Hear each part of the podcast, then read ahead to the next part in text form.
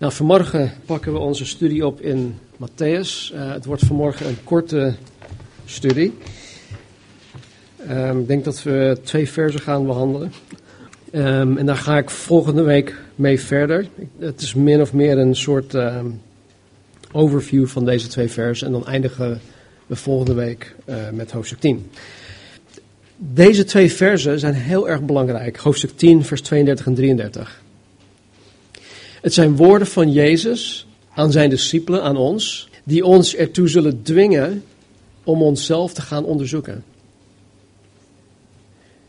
Tegelijkertijd zijn het woorden van troost, van zekerheid, van een hoopvolle toekomst die alleen Jezus ons kan bieden. Maar goed, om het even in de context te plaatsen, laten we lezen vanaf hoofdstuk 10, vers 24. De discipel staat niet boven de meester en de slaaf niet boven zijn heer. Het moet genoeg zijn voor de discipel dat hij wordt zoals zijn meester en dat de slaaf wordt zoals zijn heer. Als ze de heren van het huis Beelzebul of Satan genoemd hebben, hoeveel te meer zijn huisgenoten. Wees dus niet bevreesd voor hen. Want er is niets bedekt wat niet geopen, geopenbaard zal worden, en er is niets verborgen wat niet bekend zal worden. Wat ik u zeg in het duister, zeg het in het licht, en wat u hoort in het oor, predik dat op de daken. En wees niet bevreesd voor hen die het lichaam doden en de ziel niet kunnen doden, maar wees veel eer bevreesd voor hem die zowel ziel als lichaam te gronden kan richten in de hel. Worden niet twee musjes voor een pennetje verkocht? En niet één van die zal op de aarde vallen buiten uw vader om. En ook de haren van uw hoofd zijn allen geteld. Wees dus niet bevreesd. U gaat veel musjes te boven. Ieder dan die mij beleiden zal voor de mensen, die zal ik ook beleiden voor mijn Vader die in de hemelen is. Maar wie mij verloochenen zal voor de mensen, die zal ik ook verloochenen voor mijn Vader die in de hemelen is. Tot zover. Nou, in dit gedeelte, wat we net gelezen hebben, onderwijst Jezus zijn discipelen over discipelschap. Daar hebben we vorige week uh, over gehad. Vanaf vers 16 tot en met 23 zegt Jezus dat hij zijn discipelen uitzendt. En hij zendt hen uit in een vijandige wereld, als schapen te midden van wolven. Hij waarschuwt zijn discipelen, hij waarschuwt ons dat de mensen eigenlijk niet op ons en op onze boodschap zitten te wachten. Hij zegt dat wij erop voorbereid moeten zijn om door mensen gehaat te worden. Wij moeten erop voorbereid zijn om door mensen gedood te worden, zelfs door vrienden en familieleden. En dan vers 24 en 25 zegt Jezus dat discipelschap, het christen zijn, uiteindelijk draait om het gelijk worden aan Jezus Christus. Het moet genoeg zijn om te worden zoals je meester en als je Heer.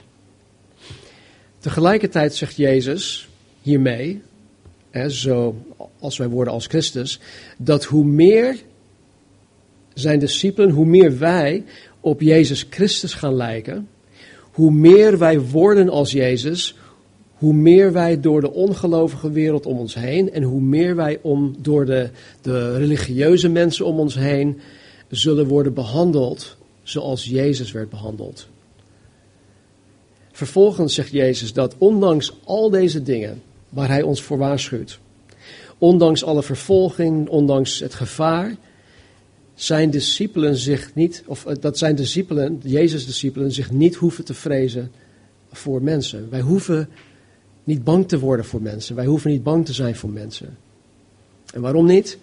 Nou, ten eerste, wat hier ook staat, omdat God op de dag van het oordeel mij zal gaan rechtvaardigen. God zal mij van alle verdenking en blaam gaan zuiveren. God zal mij in het gelijk stellen. Al het fouten dat, dat mensen over mij zeggen of gezegd hebben, al het fouten dat mensen over mij gedacht hadden, zal God op dat moment helemaal rechtzetten. En ten tweede hoef ik niet bang te zijn wat mensen van mij denken of zeggen, omdat het allerergste dat de mens mij kan aandoen, is mijn, is mijn lichaam doden. Dat is, dat is het allerergste wat ze met mij kunnen doen. Daarentegen is God bij machten om zowel ziel als lichaam te gronden te richten in de hel, zegt, zegt Jezus. Het gaat er dus om dat ik God vrees en niet de mensenvrees. En dan zegt hij dit. In vers 32. Oh nee, nog even terug naar uh, 31. Wees dus niet bevreesd, u gaat veel musjes te boven. Ik hoef niet bang te zijn voor mensen. Waarom niet? Omdat God mij belangrijk vindt. God vindt ons belangrijk. Wij zijn Gods oogappel. Wij zijn de schepping of de kroon van Gods schepping. Wij zijn duur gekocht. Wij zijn kostbaar voor God. En als iets duur gekocht is en als het kostbaar voor God is, dan zal God ervoor zorgen dat wij heel huids de eeuwigheid in zullen gaan. Kijk, hoe dan ook, wanneer wij de eeuwigheid ingaan, moeten we ons lichaam, dit oude lichaam, moeten we afleggen. En weet je, om eerlijk te zijn, de manier waarop ik dit af moet leggen, dat, zal me een, een worst wezen. Want ik weet wat voor mij ligt. En dat is de hoop die wij allemaal hebben. Vers 32. Ieder dan, die mij beleiden zal voor de mensen, die zal ik ook beleiden voor mijn Vader die in de hemel is. Hier zegt Jezus dat wanneer iemand een echte discipel is, zoals we het vorige week ook hadden gezien, dan zal hij of zij Jezus Christus beleiden voor de mensen. Dat is gewoon iets wat natuurlijk is. Het is een natuurlijk gevolg van het christen zijn. Een hond blaft omdat hij een hond is. Nou, een christen beleidt Jezus omdat hij christen is. Het beleiden van Jezus betekent simpelweg dat je met je mond openlijk erkent dat Jezus Christus de enige echte God is. Dat Jezus de weg, de waarheid en het leven is. En dat niemand, maar dan ook niemand, tot God de Vader kan komen dan door Jezus alleen. In Romeinen 10, vers 9 staat, staat als u met uw mond de Heere Jezus beleidt en met uw hart gelooft dat God hem uit de doden heeft opgewekt, zult u zalig worden. Het beleiden doe je dus met je mond. En praktisch betekent dit dat je mensen vertelt dat je in Jezus Christus gelooft, dat je een christen bent.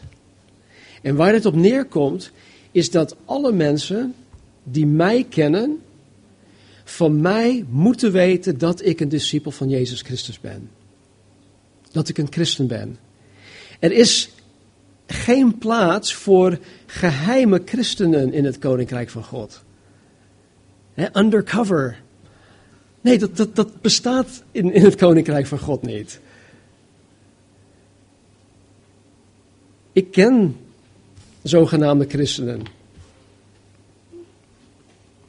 Die tegen niemand durven te zeggen dat zij christen zijn. Niemand op hun werk of niemand op hun school weet überhaupt dat zij christen zijn. Het zijn undercover christenen. Maar nogmaals, die bestaan niet. En dit is eigenlijk het tegenovergestelde van het beleiden van Jezus Christus voor de mensen, wat Jezus hier zegt. Weet je, elke keer als ik um, bij een nieuwe opdrachtgever terechtkwam of bij een nieuwe baas. Ik heb voor, uh, voor Xerox gewerkt, ik heb voor uh, NRG gewerkt, voor Service Point. Dan kom je bij verschillende plaatsen, je wordt gedetacheerd. En elke keer wanneer ik bij een nieuwe opdrachtgever start, dan raak je altijd met iemand in gesprek. En uh, vaak begint het met um, small talk, hè? koetjes en kalfjes. Waar kom je vandaan? Waar woon je? Wat doe je? Wat zijn je hobby's? Uh, oh ja, ik kom uit Amerika. Oh, uit Amerika, waarom dan? Waarom ben je niet in Californië gebleven? Bla bla bla. Nou, dan, dan raak je gesprek. En meestal vertel ik die persoon al in het eerste gesprek dat ik een christen ben. Ik wil, eh, soms is er een bepaalde beredenering van nee, laat, laat, je moet eerst die mensen be, bevrienden, dat je vriend wordt, dat je een relatie met die persoon opbouwt en dan pas kan je het gedoseerd laten weten dat je christen bent, want anders overdonder je die mensen ermee. Ik snap die beredenering wel, maar voor mij werkt dat niet. Voor mij is het, is het, werkt het het allerbeste dat, dat ik meteen laat weten, hé hey mensen, ik ben een christen. Nou, op het moment dat ik dit doe, word ik door de persoon waarmee ik praat bestempeld met het beeld dat hij of zij van een christen heeft. En daarom zeg ik dus niet alleen dat ik een christen ben, maar als ik de gelegenheid van, eh, van die persoon krijg, als ik de gelegenheid krijg, leg ik ook uit wat dat voor mij betekent. En weet je, soms vraag ik die persoon of hij weet wat ik ermee bedoel. Als ik zeg dat ik een christen ben. En weet je, tien van de tien keer hebben ze het gewoon fout. Een tijd geleden vertelde ik iemand op mijn werk dat ik een christen ben. En die persoon die vroeg mij, wat, wat voor soort christen dan? In, in haar beleving waren er verschillende soorten christenen. Goed, dat zie je dan ook in, in de werkelijkheid, maar niet volgens de Bijbel. Maar goed, daarbij bedoelde zij of ik dus een traditioneel christen ben, of in haar woorden zo'n radicale wedergeboren christen. Nou, omdat alhoewel zij de term wedergeboren christen gebruikte, wilde ik wel weten wat zij daarmee bedoelde. Want alhoewel wij hetzelfde, dezelfde term gebruiken, betekent nog niet dat wij het over hetzelfde hebben. Dus ik vroeg haar, wat, bedoel jij precies met wedergeboren christen? Nou, ze legde het uit in haar woorden, maar ze snapte dus niet waar het om ging. Dus kon ik vanuit de Bijbel, niet met Bijbel in hand of zo, maar gewoon wat hier, wat hier opgeslagen is, kon ik gewoon vanuit Gods woord uitleggen wat de Bijbel bedoelt met het wedergeboren zijn. En uiteindelijk kwam het erop neer dat zij dus dacht van oké, ja, je bent dus wel een van die radicale wedergeboren christen, maar hoe je het mij hebt uitgelegd, heb ik het nog nooit eerder gehoord. Weet je, als je, bij, als je mensen bij de eerste ontmoeting al meteen laat weten wie je bent, dan weten ze ook waar zij met jou aan toe zijn. Of althans, zij weten in ieder geval dat je anders bent.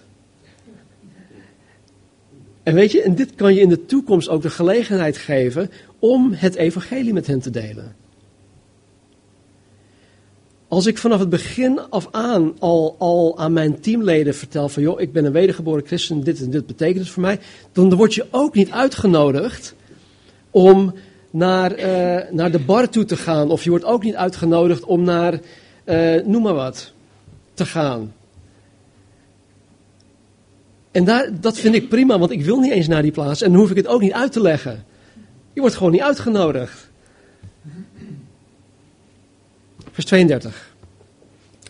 Ieder dan die mij beleiden zal voor de mensen, die zal ik ook beleiden voor mijn Vader die in de hemel is.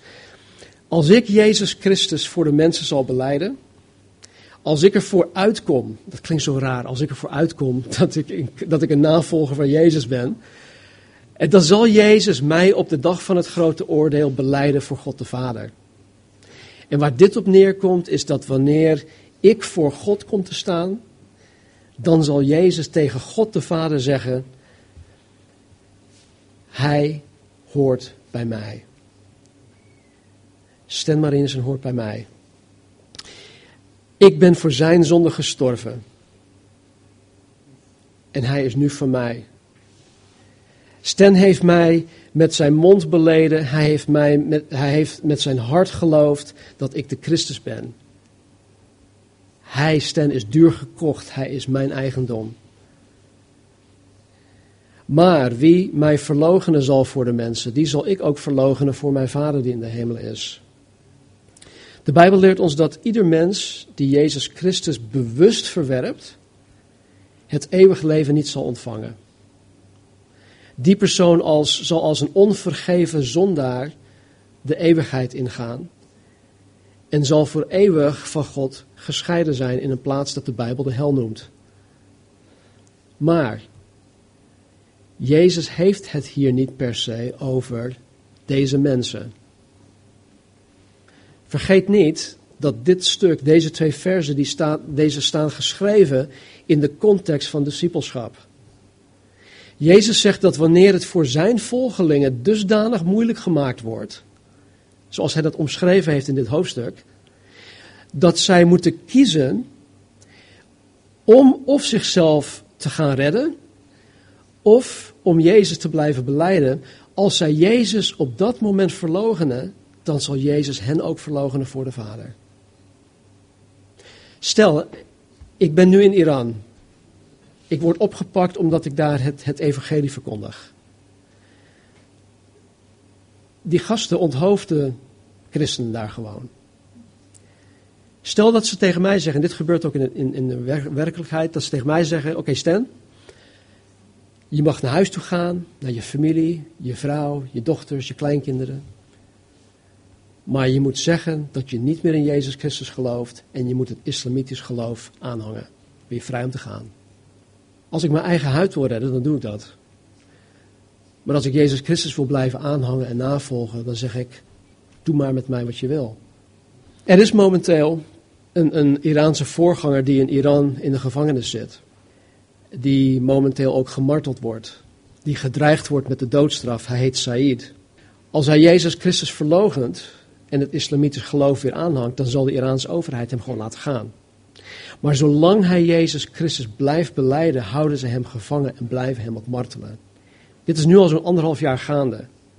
Zijn vrouw en twee jonge kinderen die wonen in Boise, Idaho. En ze maken deel uit van de Calvary Chapel in Boise, waarvan Bob Caldwell de voorganger is. zolang Said Jezus blijft beleiden, zal Jezus hem voor de Vader beleiden. Maar op het moment dat Said Jezus verlogent om zijn eigen huid te redden, zegt Jezus, dan zal Jezus hem ook verlogenen voor God de Vader. Nu dit. De meeste van ons hier zullen dit soort vervolging gelukkig nooit meemaken. Maar, op, um, maar ook wij kunnen Jezus Christus wel verloochenen voor de mensen. Bijvoorbeeld, alleen maar door mijn mond te houden over Jezus Christus, verlogen ik hem eigenlijk al. Alleen maar door mijn mond te houden. Als ik om welke reden dan ook mensen niet durf te vertellen dat ik een discipel van Christus ben, dan verlogen ik hem al. Kijk, het is niet zo, en dat moet je heel goed begrijpen. Het is niet zo dat als ik een keertje mijn mond houd, dat ik verloren ga. Gelukkig. Het is, het is niet zo dat als ik een keertje mijn mond houd, uh, dat Jezus mij ook voor de Vader zal gaan verlogen. Want we hebben allemaal wel eens een, een moment van afdwaling of dat we, dat we gewoon bang zijn. Wie in de Bijbel staat er bekend voor dat hij Jezus Christus in een moment van afdwaling heeft verlogend? Petrus. Maar wat gebeurde er met Petrus toen hij Jezus had verlogend? Toen hij besefte wat hij gedaan had, staat er in de schrift, hij huilde bitter. Hij barstte uit in tranen en had zoveel berouw. Petrus wist wat hij gedaan had. Hij had berouw over zijn zonde. Een van in een van de evangeliën staat dat hij op een gegeven moment, nadat, nadat hij Jezus had verlogend, oogcontact kreeg met Jezus. En ik, en ik weet zeker dat Jezus niet met een vuile blik Petrus aankeek. Van, hoe, kan dit, hoe kan je dit mij aandoen? Nee, dat hij met liefdevolle ogen Petrus aankeek. Zei van, oh Petrus. Uiteindelijk heeft Jezus Petrus hersteld. Ook Timotheus had een tijd van afdwaling. Timotheus was een jonge man die met, met, met Paulus op, op uh, zijn tweede zendingsreis meeging. Timotheus was een jonge man die, hij, die Paulus aanstelde als voorganger van de gemeente in Efeze. Twee brieven van Paulus aan Timotheus staan voor eeuwig in de Bijbel. Hij was dus een belangrijke speler in de gemeente van de eerste eeuw, Timotheus. Maar Paulus schrijft in 2 Timotheus 1:8: Schaam u dan niet voor het getuigenis van onze Here. Op een gegeven moment schaamde Timotheus zich voor Jezus. Hij heeft zich ervan bekeerd. hij is goed terechtgekomen, maar hij had wel zijn zwak moment. Dus ja, zelfs de beste onder ons zullen wel eens een moment van afdwaling ervaren. Waar, waarin wij ons zullen schamen voor Jezus, waardoor wij onze mond houden. Maar zolang er een duidelijk patroon in je leven is van het bekend staan als een godvruchtige wedergeboren christen, dan hoef je je geen zorgen over te maken dat Jezus je voor God zal gaan verloochenen. Nou, tot slot dit. Laten we, onze, laten we verder gaan in Matthäus naar hoofdstuk 25. Matthäus 25 en dan vanaf vers 31. Jezus zegt, wanneer de, wanneer de zoon, sorry, wanneer de zoon des mensen komen zal in zijn heerlijkheid en al de heilige engelen met hem, dan zal hij zitten op de troon van zijn heerlijkheid. En voor hem zullen al de volken bijeengebracht worden. En hij zal ze van elkaar scheiden zoals de herder de schapen van de bokken scheidt. En hij zal de schapen aan zijn rechterhand zetten, maar de bokken aan zijn linkerhand. Dan zal de koning zeggen tegen, die, tegen hen die aan zijn rechterhand zijn: Kom, gezegende van mijn vader, beërf het koninkrijk dat voor u bestemd is, vanaf de grondlegging van de wereld. Want ik had honger en u hebt mij te eten gegeven. Ik had dorst en u hebt mij te drinken gegeven. Ik was een vreemdeling en u hebt mij gastvrij onthaald. Ik was naakt en u hebt mij gekleed. Ik ben ziek geweest en u hebt mij bezocht. Ik was in de gevangenis en u bent bij mij gekomen. Dan zullen de rechtvaardigen hem antwoorden: Heere, wanneer hebben wij u honger gezien en te eten gegeven, of dorstig en drinken, en drinken gegeven? Wanneer hebben wij u als een vreemdeling gezien en gastvrij onthaald, of naakt en hebben u gekleed? Wanneer hebben wij u ziek gezien, of in de gevangenis en zijn bij u gekomen? En de koning zal hun antwoorden: Voorwaar, ik zeg u, voor zover u dit voor een van deze geringste broeders voor mij gedaan hebt, hebt u dat voor mij gedaan. Dan zal hij ook zeggen tegen hen die aan de linkerhand zijn: Ga weg van mij, vervloekten, in het eeuwige vuur dat voor de duivel en zijn engelen bestemd is. Want ik ben hongerig geweest en u hebt mij niet te eten gegeven. Ik ben dorstig geweest en u hebt mij niet te drinken gegeven. Ik was een vreemdeling, ik was een vreemdeling en u hebt mij niet gastvrij onthaald. Naakt en u hebt mij niet gekleed, ziek en in de gevangenis en u hebt mij niet bezocht. Dan zullen ook deze hem antwoorden: Heere, wanneer hebben wij u hongerig gezien of dorstig, of als een vreemdeling, of naakt, of ziek, of in de gevangenis, en hebben u niet gediend? Dan zal hij hun antwoorden: Voorwaar, ik zeg u, voor zover u dit voor hen, voor een van deze geringsten, niet gedaan hebt, hebt u het ook niet voor mij gedaan. En deze zullen gaan in de eeuwige straf, maar de rechtvaardigen in het eeuwige leven. In dit gedeelte leert Jezus ons dat het beleiden van Jezus of het verlogenen van Jezus niet alleen iets is dat wij per se met onze monden doen, maar het is ook heel praktisch. Het is heel praktisch. Nou, volgende week ehm, maken wij hoofdstuk 10 af. Maar niet zonder eerst te gaan kijken hoe wij ook praktisch de Here kunnen beleiden of verlogenen. Dus ik wil het hierbij houden. We gaan zo direct het heilige avondmaal nuttigen. We gaan nog samen zingen. Dus laten we nu bidden. Vader, dank u wel, Heer, dat u uw woord aan ons gegeven hebt. Heer, om er wijzer van te worden. Om u beter te leren kennen om onszelf te zien in het licht van Jezus Christus. En Heer, ik, ik weet dat ik schuldig ben. Heer, dat ik van tijd tot tijd u verlogen.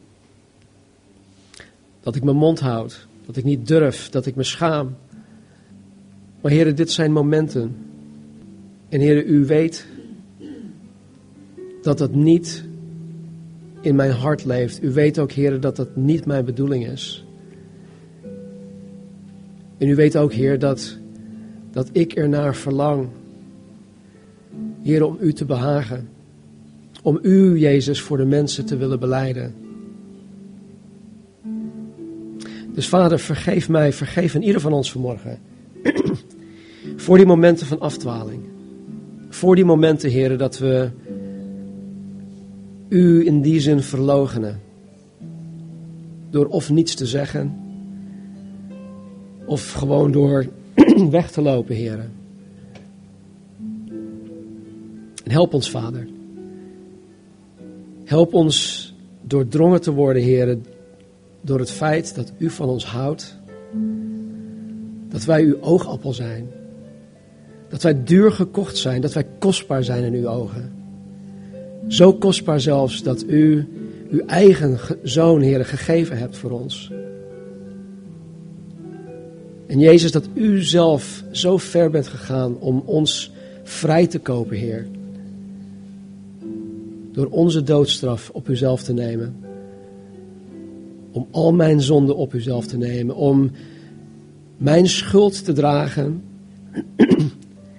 en mij, heren, u onschuld te geven. Dat we van plaats geruild hebben. Het gaat mijn verstand gewoon te boven dat u gedaan hebt wat u gedaan hebt. Aan het kruis op Golgotha.